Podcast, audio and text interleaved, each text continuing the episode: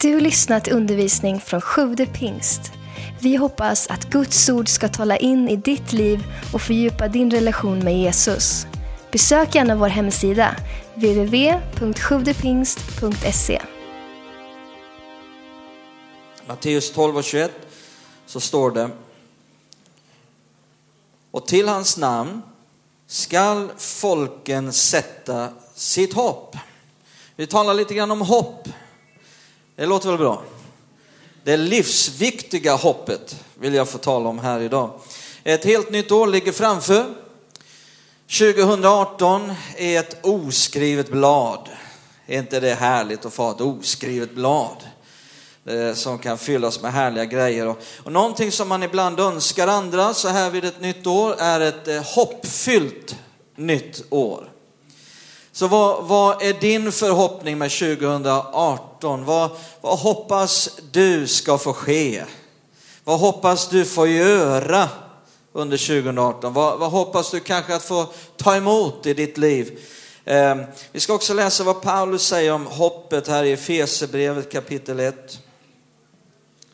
Efesierbrevet kapitel 1 så säger han någonting väldigt intressant.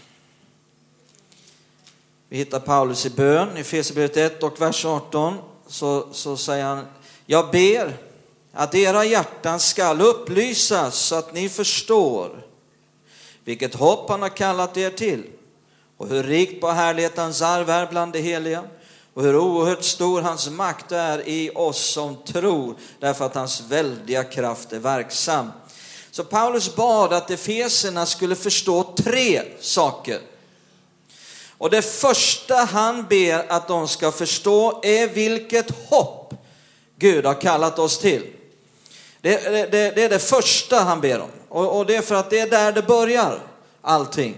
Att eh, hjärtat får bada i hoppets underbara ljus. Det är ju så ledsamt när det inte finns något hopp. Där, där det inte finns något hopp, där, är, där råder mörker.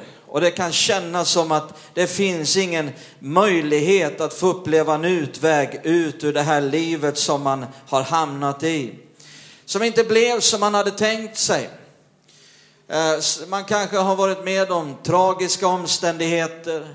Eller så är det bara så att livet sakta bara har utvecklats till någonting där man till sist bara känner en total, ett totalt missmod och känner att eh, det finns ingen utsikt över att det någonsin ska kunna bli någonting annorlunda. Men vad underbart det är när hoppets ljus får tändas. Då kommer en ny livsenergi. När man får ett nytt hopp inför framtiden, då kommer en ny glädje. Och min vän, det finns ingen som Jesus som kan ingjuta hopp. Till hans namn, läste vi, skall folken sätta sitt hopp. Vi läser också i Hebreerbrevet 6 och vers 19. Det är någonting livsviktigt med ett hopp. Hebreerbrevet 6 och 19 så står det i detta hopp har vi ett tryggt och säkert själens ankare som når innanför förlåten. Så hoppet är ett ankare, står det, för själen. Det är vad hoppet ger en människa. Det ger ett, ett ankare för hela själen. Vi alla behöver ett ankare för vår själ. Därför att till oss alla så kommer dagar då mörkret bara vill lägra sig, när, när stormarna piskar mot våra liv, när vågorna går höga. Och det var därför som Paulus bad för Efeserna att, att hela deras inre skulle bara uppfyllas av ljus så att de skulle kunna se och förstå vilket underbart hopp som Gud har kallat var och en till som tror på Jesus och tagit emot honom som frälsare och Herre. Därför min vän, det finns dagar som kommer för våra liv när ingenting annat håller oss fast förankrade så att vi inte bara driver iväg var som helst. Det finns dagar när inget annat håller oss fast förankrade än hoppet. Som säger att ja, det är svårt här och nu, men det väntar någonting helt annat i framtiden. Är du glad för hoppet som vi lever i? Och när Bibeln talar om ett hopp, det bibliska hoppet, det är inte bara en allmän önskan, för ibland så i, liksom i samhället man talar om att jag hoppas, så är det mer en, en önskan. Är ni med? Det, det är definitionen på hopp. Jag önskar att det blir så. Hoppas. Vi vet inte säkert. Vi vet inte riktigt, men vi hoppas ju liksom. Eh, men när, när Bibeln talar om hopp, det bibliska hoppet, det är faktiskt en övertygelse. Det är en övertygelse om vad som väntar i framtiden. Hoppet kan faktiskt växa till någonting mycket mer än bara en allmän önskan. Det kan faktiskt växa till en, en fast övertygelse om vad som väntar i framtiden. Halleluja.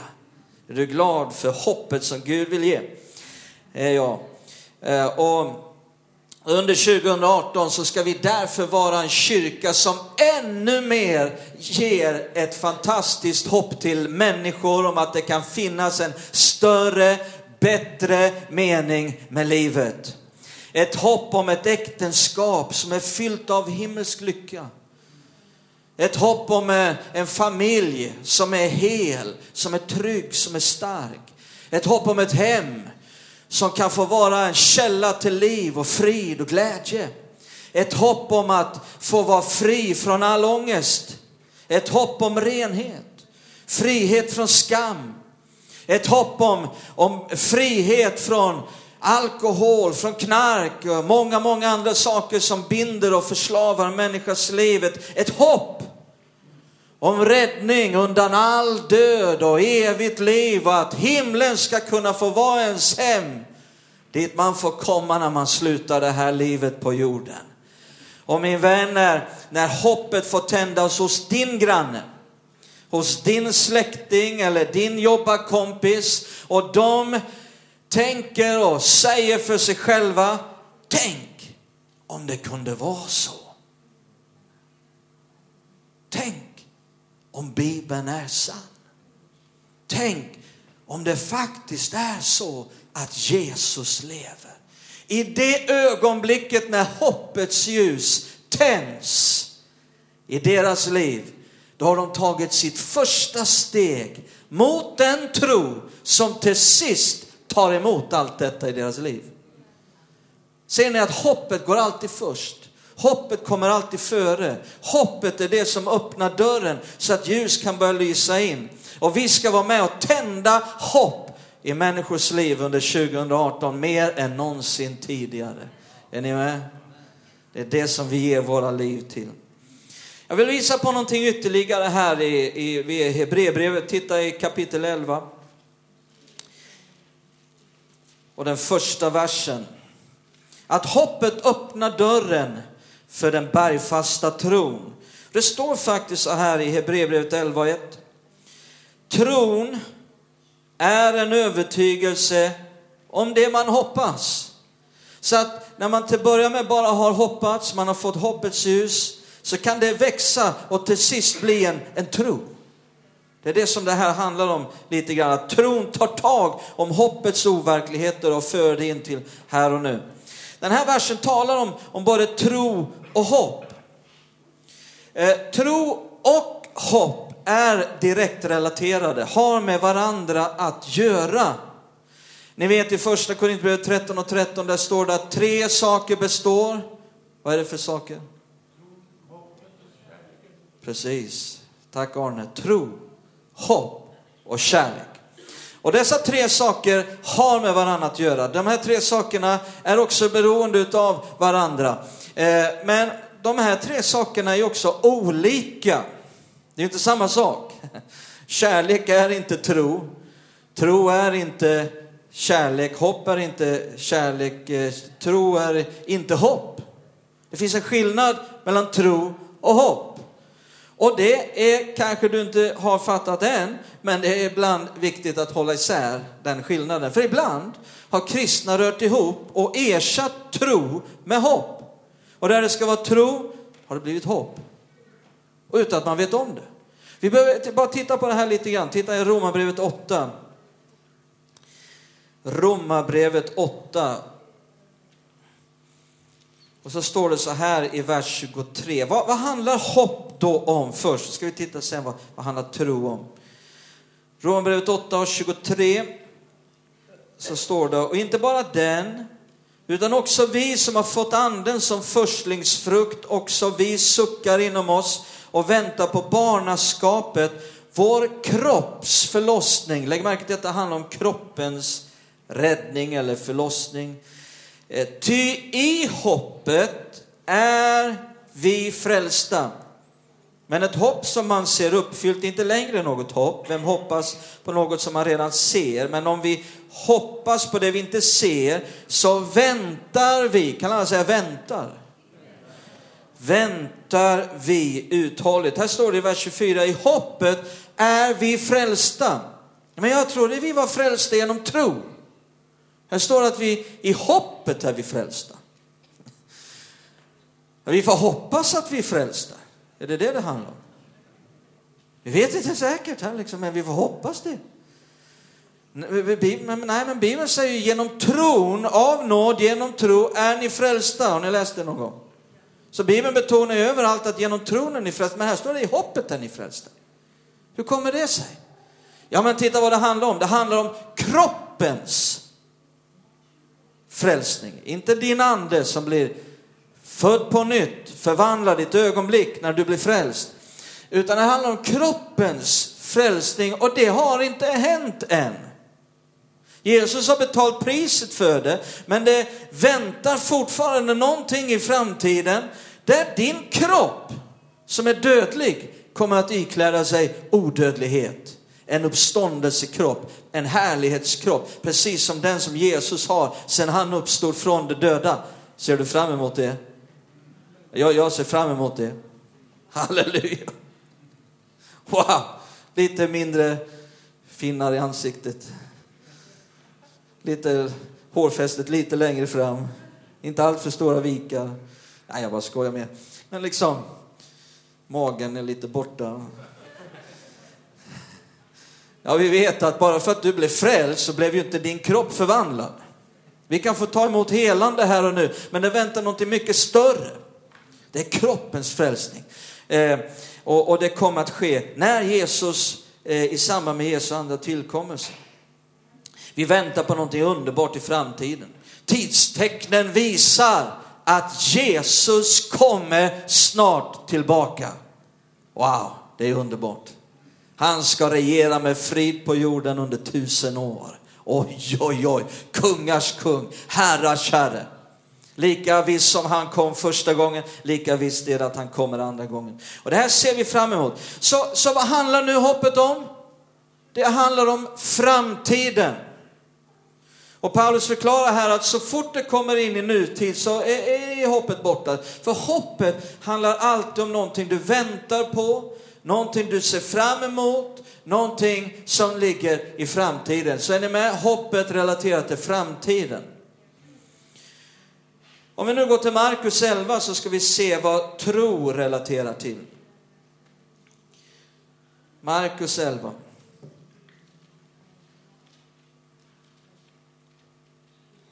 Och vers 22 till 24. Jesus svarade dem, tro på Gud. Amen säger, om någon säger till detta berg, lyft dig och kasta dig i havet och inte tvivlar i sitt hjärta utan tror att det han säger ska ske, då skall det ske. Därför säger allt vad ni ber om och begär, tro att ni har fått det, så skall det vara er. Och när ni står och ber, så förlåt om ni har något emot någon. Då ska också er himmelske fader förlåta er era överträdelser. Ja, det hade jag inte tänkt att läsa, men jag läste i alla fall. Det är bra. Det är väldigt bra. Kanske var någon som behövde höra det idag. När ni står och ber så förlåt om ni har något emot någon. Och då står det här i vers 24. Därför säger jag er, allt vad ni ber om och begär, tro att ni har fått det. Så skall det vara er. Jesus sa inte här, när ni ber, hoppas att ni ska få det. Nej han sa tro att ni har fått det. Eh, eh, eh, det finns en översättning som översätter annorlunda här. Den enda översättningen som jag känner till som översätter annorlunda, det är Bibel 2000. Och där står det, tro att ni ska få det ni ber om. Men här står det tro att ni har fått. Och det är en väldig skillnad på att tro att man ska få någon gång i den ljuva framtiden, vi vet inte riktigt när, men vi tror att vi ska få. Det är en väldig skillnad på det och tro att jag har fått. Är ni med? Eh, eh, och, och den enda översättningen, alla andra översättningar översätter just så här, tro att ni har fått. Just då när du ber, eh, så har du en visshet, en fast övertygelse, en full övertygelse om att, att jag har fått det jag just nu bad om. Även om jag inte kan se det, även om jag inte kan känna det, så vet jag att jag har fått det jag bad om. När du, så, när du med, med Guds löfte som grund ber till Gud att han ska ge dig någonting i ditt liv, så kan du veta och du kan säga, det är mitt nu, jag har det nu. Så tro handlar alltså om nu. Är ni med? Nu. Tro relaterat till nu. Det är det som är en stor skillnad mellan hoppet och tron. Att hoppet handlar om det som ligger i framtiden och tro relaterar till här och nu. Så, så Bibel 2000 har, har ersatt Jesu undervisning om tro till att egentligen handla om hopp. Är ni med? Där står tro att ni ska få, ja det är egentligen inte tro, det är hopp. För det ligger i framtiden. Och hoppet, det är väldigt bra på sin rätta plats. Hoppet är bra på att vänta, men dåligt på att ta emot. Den är alltid i framtiden. Och det är faktiskt så att ibland så ersätter människor tro, där det behöver få vara tro, med hopp, utan att veta om det. I bön och så vidare. Eh, så ersätter man, ibland säger till och med människor, ja vi får hoppas och be. Har du hört någon någon gång som har sagt, att vi får hoppas och be. Du vet om det är allt du gör, då kan du lika gärna rulla tummarna och säga blinka lilla stjärna där, hur jag undrar var du är. Det händer ungefär lika mycket. När sa Jesus vi får hoppas och be? Hallå? När sa Jesus det? Har du sett det någon gång i evangelierna? Vi får hoppas och be. Nej han sa det ni med tro ber om, det ska ni få. Så det är viktigt att vi gör vad Jesus säger för att vi ska få det han säger att vi kan få. Om vi ersätter det han säger med någonting annat så kommer det antagligen inte att fungera. Utan vi behöver lyssna på vad säger han och sen försöka tränga in i det. Börja leva i det, sträva efter det. Det är där som det ligger. En hemlighet som Jesus undervisade sina lärjungar om. Ibland säger människor, ja vi får bida Guds tid. När Guds tid är inne. Han bönhör oss i behaglig tid. Framtiden. Är ni med? Har ni hört någon säga det någon gång? Vi får bida Guds tid. Ska vi läsa, titta i andra Korinthierbrevet 6. Andra Korinthierbrevet 6.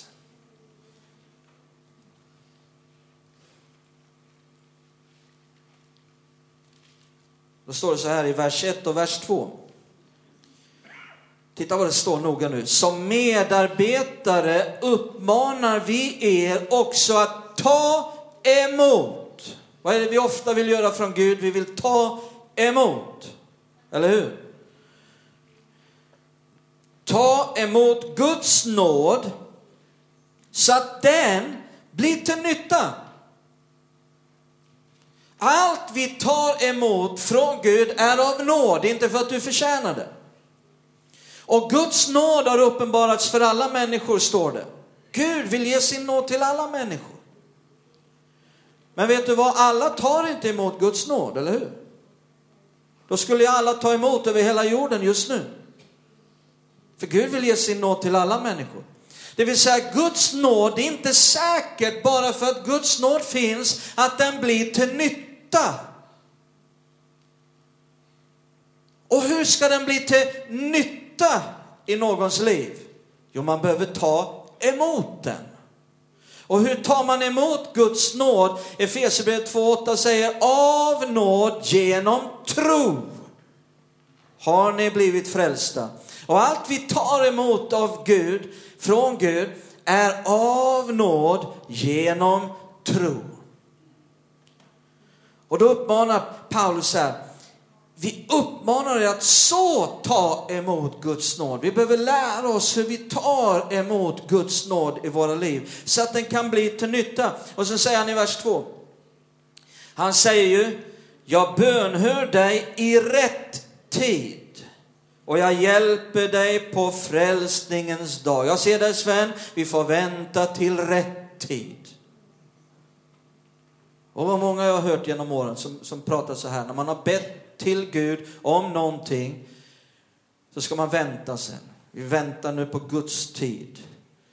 När Guds tid är inne. Han bönhör oss i behaglig tid. Vi måste bida Guds tid. Ja men människa, fortsätt att läsa versen. Se, nu! Kan han säga nu? Nu är den rätta tiden. Idag, nu är frälsningens dag. Halleluja, är du glad för det? Och visst kan det vara så att eh, vad gäller Guds planer för ditt liv, i tjänst för Gud, uppdrag för Gud kan ha sin tid och där finns det en väntan på Gud vad det gäller ledning in i de bitarna. Absolut.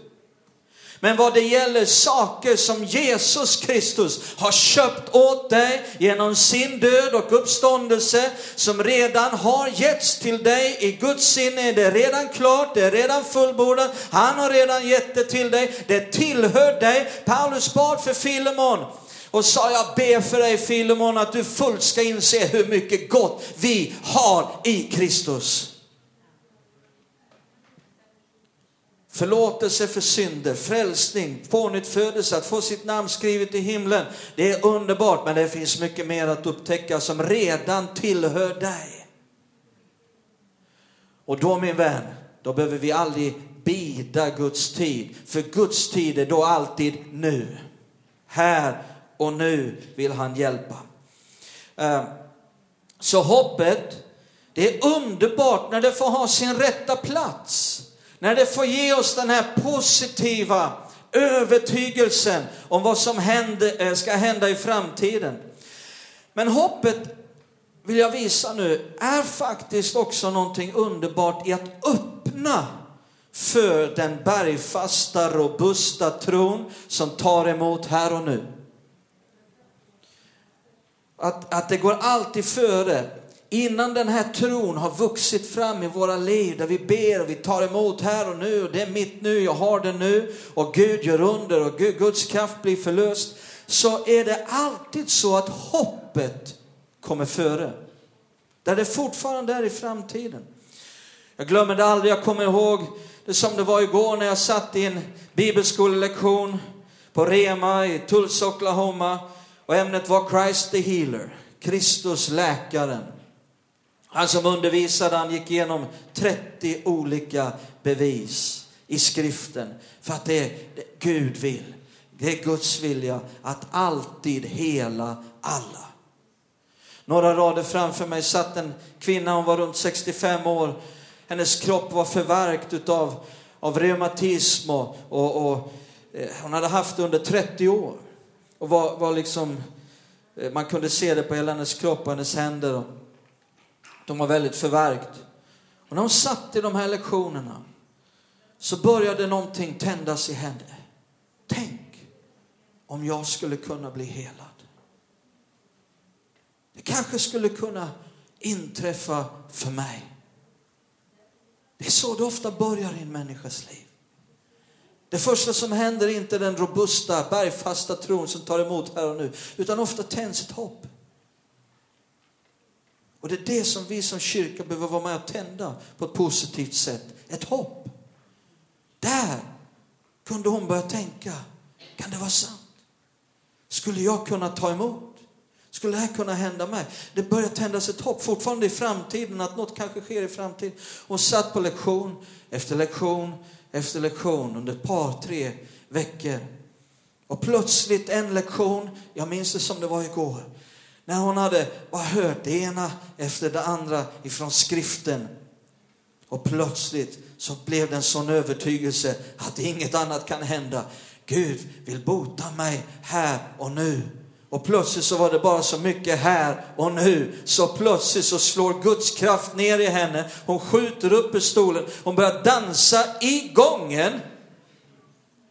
Och hennes leder rätades ut mitt framför mina ögon där jag satt. Och vi alla började dansa. 250 elever bara fullständigt fick fnatt. Och läraren han tappade lektionen fullständigt. Och vi bara jublade och dansade runt och prisade Gud. Och sen tog vi med oss det in i någon annan stor byggnad där vi skulle fortsätta nästa lektion. Och där 1500 elever var samlade. Och vi kommer in där, ett, liksom ett dansande tåg. Och han som ska leda där innan undrar, vad, vad händer, vad händer, vad är det på gång där? Liksom, det störde alltihopa.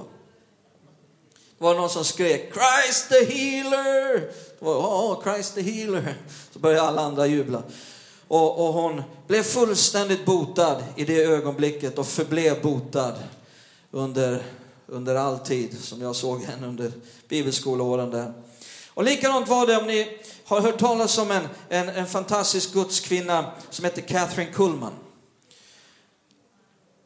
Det var precis så det funkade ofta i hennes tjänst. När man läser vittnesbörden, böckerna om henne och, och, och sätter sig in i hennes tjänst som var väldigt prominent här på, för en del decennier sedan. Hon var på besök här i Sverige, var det i början på 70-talet.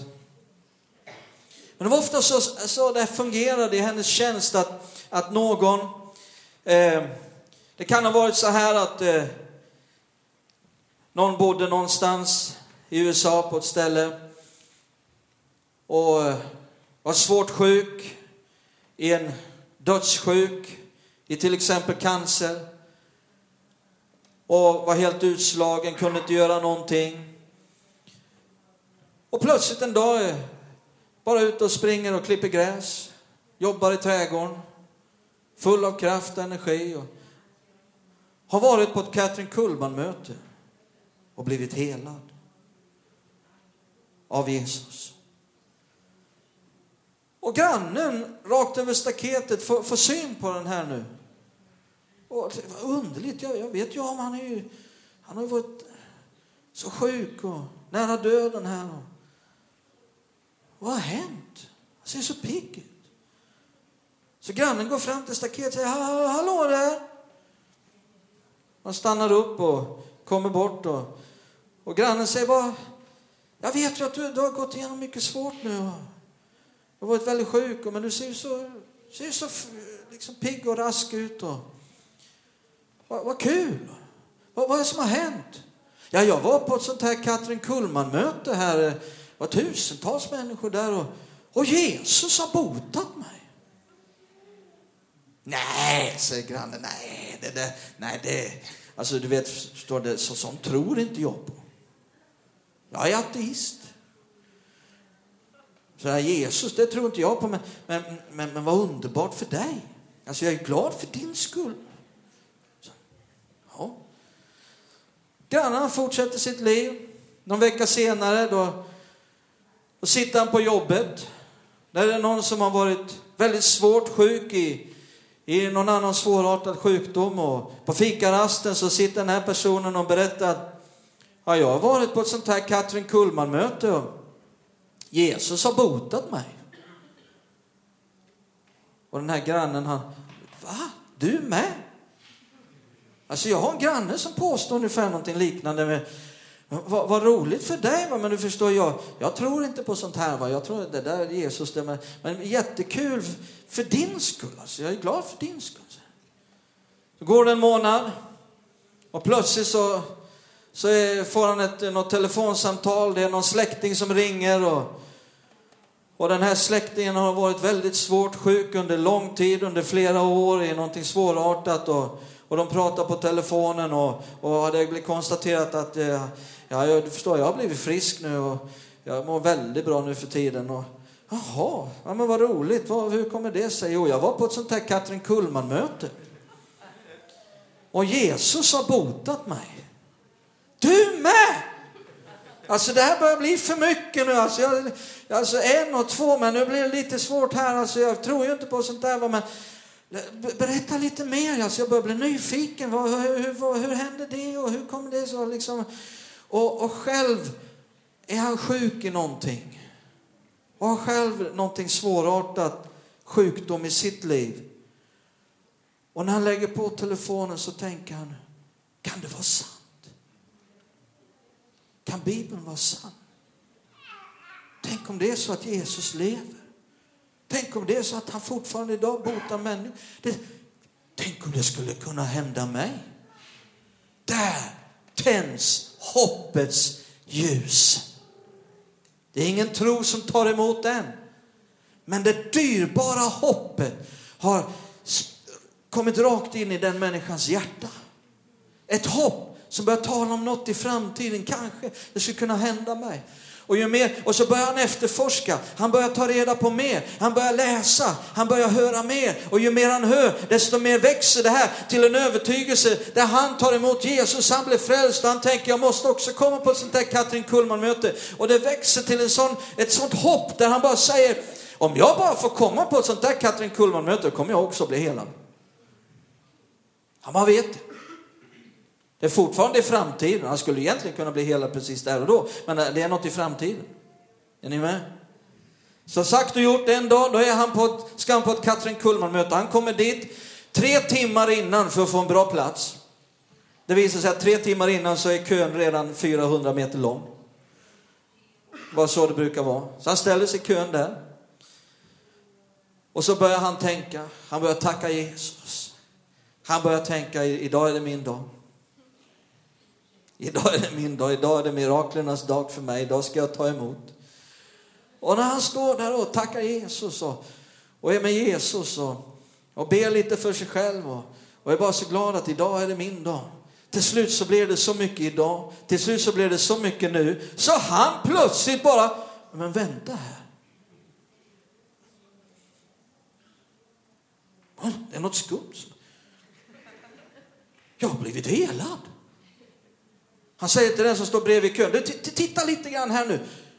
Jag har varit väldigt svårt sjuk i det där, det och det. Titta här nu, undersök här lite grann. Kan du komma? Jag tror jag har blivit helad. Och han i kön säger, du har blivit helad! Jag har blivit, jag har blivit helad. För till sist så blev det så mycket här och nu så han tog emot just där i kön. Det var ofta så det hände i Katrin Kullman-mötena. Folk blev helade i kön innan de kom in. När, när Katrin Kullman predikade så kunde hon peka och få kunskapens ord och säga, där uppe sitter en, du har den och den sjukdomen, du kommer där därifrån, du heter det och det och, och, och du blir helad från det just nu. Halleluja. Och så var det i Bibeln. Blinde Bartimeus, kvinnan med blodgång. Ni kan läsa om dem. Det var precis så det, det brukade vara. De hade hört om Jesus. De hade varit svårt sjuka i många år. Men så hade någon pratat, någon hade sagt, ett hoppets ljus hade tänts i dem. Att om bara jag en gång får träffa den där Jesus, då är det min dag. Då kommer jag bli helad.